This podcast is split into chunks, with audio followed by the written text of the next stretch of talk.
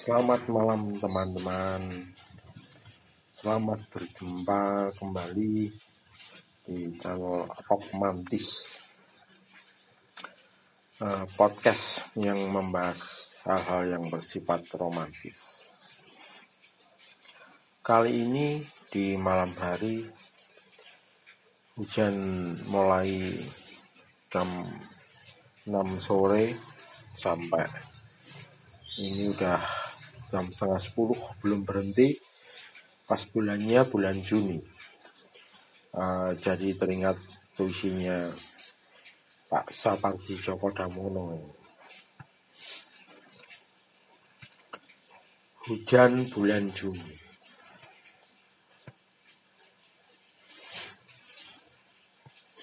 Ini salah satu puisi yang sangat legendaris Hujan bulan Juni Tak ada yang lebih tabah dari hujan bulan Juni.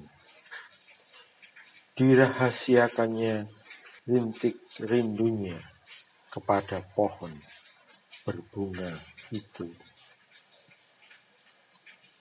Tak ada yang lebih bijak dari hujan bulan Juni dihapusnya jejak-jejak kakinya yang ragu-ragu di jalan itu. Tak ada yang lebih alif dari hujan bulan Juni. Dibiarkannya yang tak terucapkan diserap akar pohon bunga itu.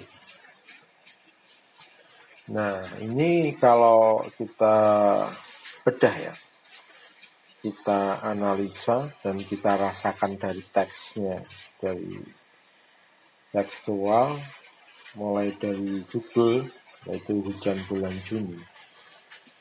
Itu sebenarnya ini kalau kita kontemplasikan ini adalah uh, sebuah puisi yang filosofis ya itu mengandung nilai-nilai ketabahan, keikhlasan. Jadi mengandung nilai-nilai yang uh, berisi spiritualitas atau mungkin profetik spesifik bisa dikatakan profetik spesifik ya.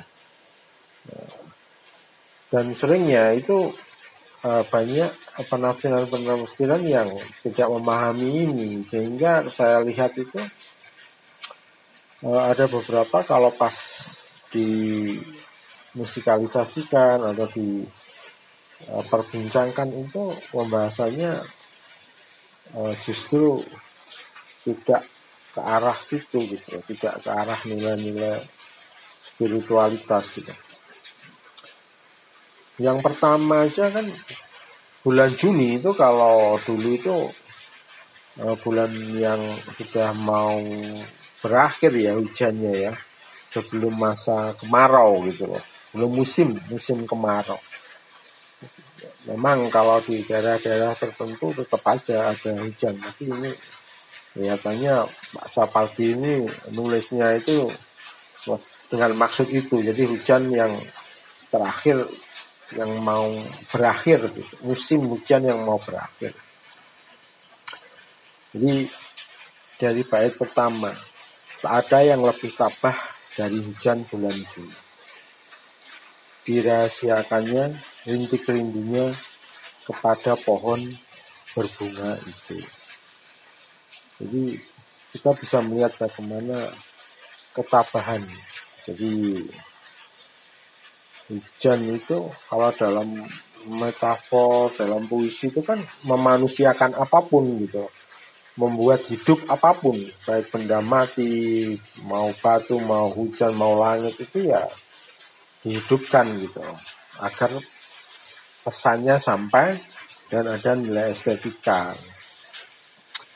Jadi di bulan Juni itu hujannya itu bisa kita nikmati, bisa kita rasakan sebagai sebuah ketabahan gitu. Sehingga bagaimana sebuah rindu itu dirahasiakan ya.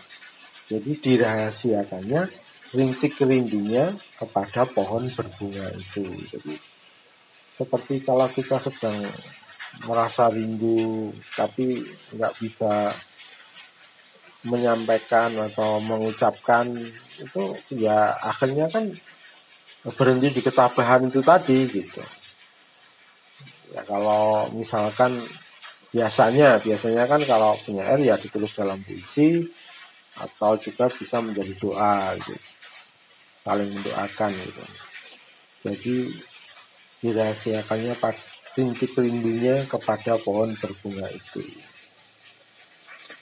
Kerinduan ini kerinduan bisa macam-macam ya. Jadi kerinduan terhadap uh,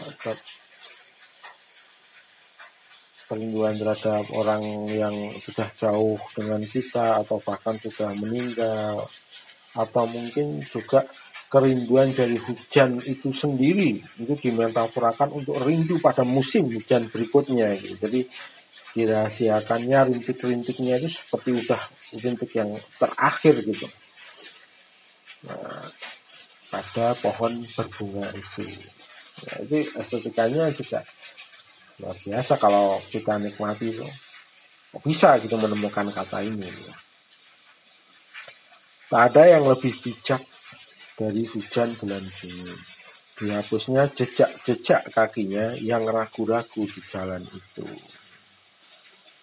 Jadi setiap orang itu pasti kan pernah mengalami sesuatu hal dalam kehidupan itu jejak-jejak apa yang pernah kita lakukan ketika kita ragu-ragu atau cemas atau kita tidak yakin akan perjalanan hidup itu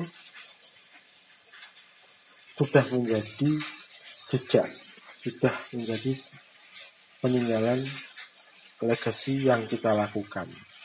Ya. Hujan bulan Juni ini sangat bijak, karena dia akan menghapuskan itu semua. Ada nilai spiritualitas di sini gitu Spiritualitas untuk menghapus jejak yang dulu itu kita ragu-ragu langkah kita. Tak ada yang lebih arif dari hujan bulan Juni. Dibiarkannya yang tak terucapkan diserap akar pohon bunga itu. Ya. Sama Tak ada yang lebih arif juga. Arif itu kan kebijaksanaan ya, wisdom gitu. Dan hujan bulan Juni itu bisa membiarkan hal-hal yang tak terucap akan diserap akar pohon bunga itu. Menjadi apa? Misalkan kita tafsirkan ketika diserap akan menumbuhkan bunga-bunga akan membuat kehidupan menjadi lebih baik jadi apa-apa rahasia yang dalam diri kita yang nggak mungkin terucapkan yang nggak mungkin tersampaikan. Ya itu dibiarkan agar diserap saja. Diserap oleh semesta ini. Agar menjadi bisa menjadi pupuk agar bisa menjadi bunga yang indah di kemudian hari gitu. Jadi ketika kita itu nggak bisa melakukan apa-apa, misalkan nggak sampai terucapkan hanya ada di hati, doa di dalam hati pun itu bisa saja itu akan di kemudian hari menjadi sesuatu yang indah. Gitu.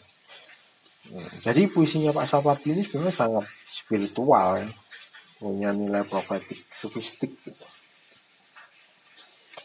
sangat apalagi kalau kita bacanya kayak pas suasana rintik hujan di bulan Juni ya pas banget gitu.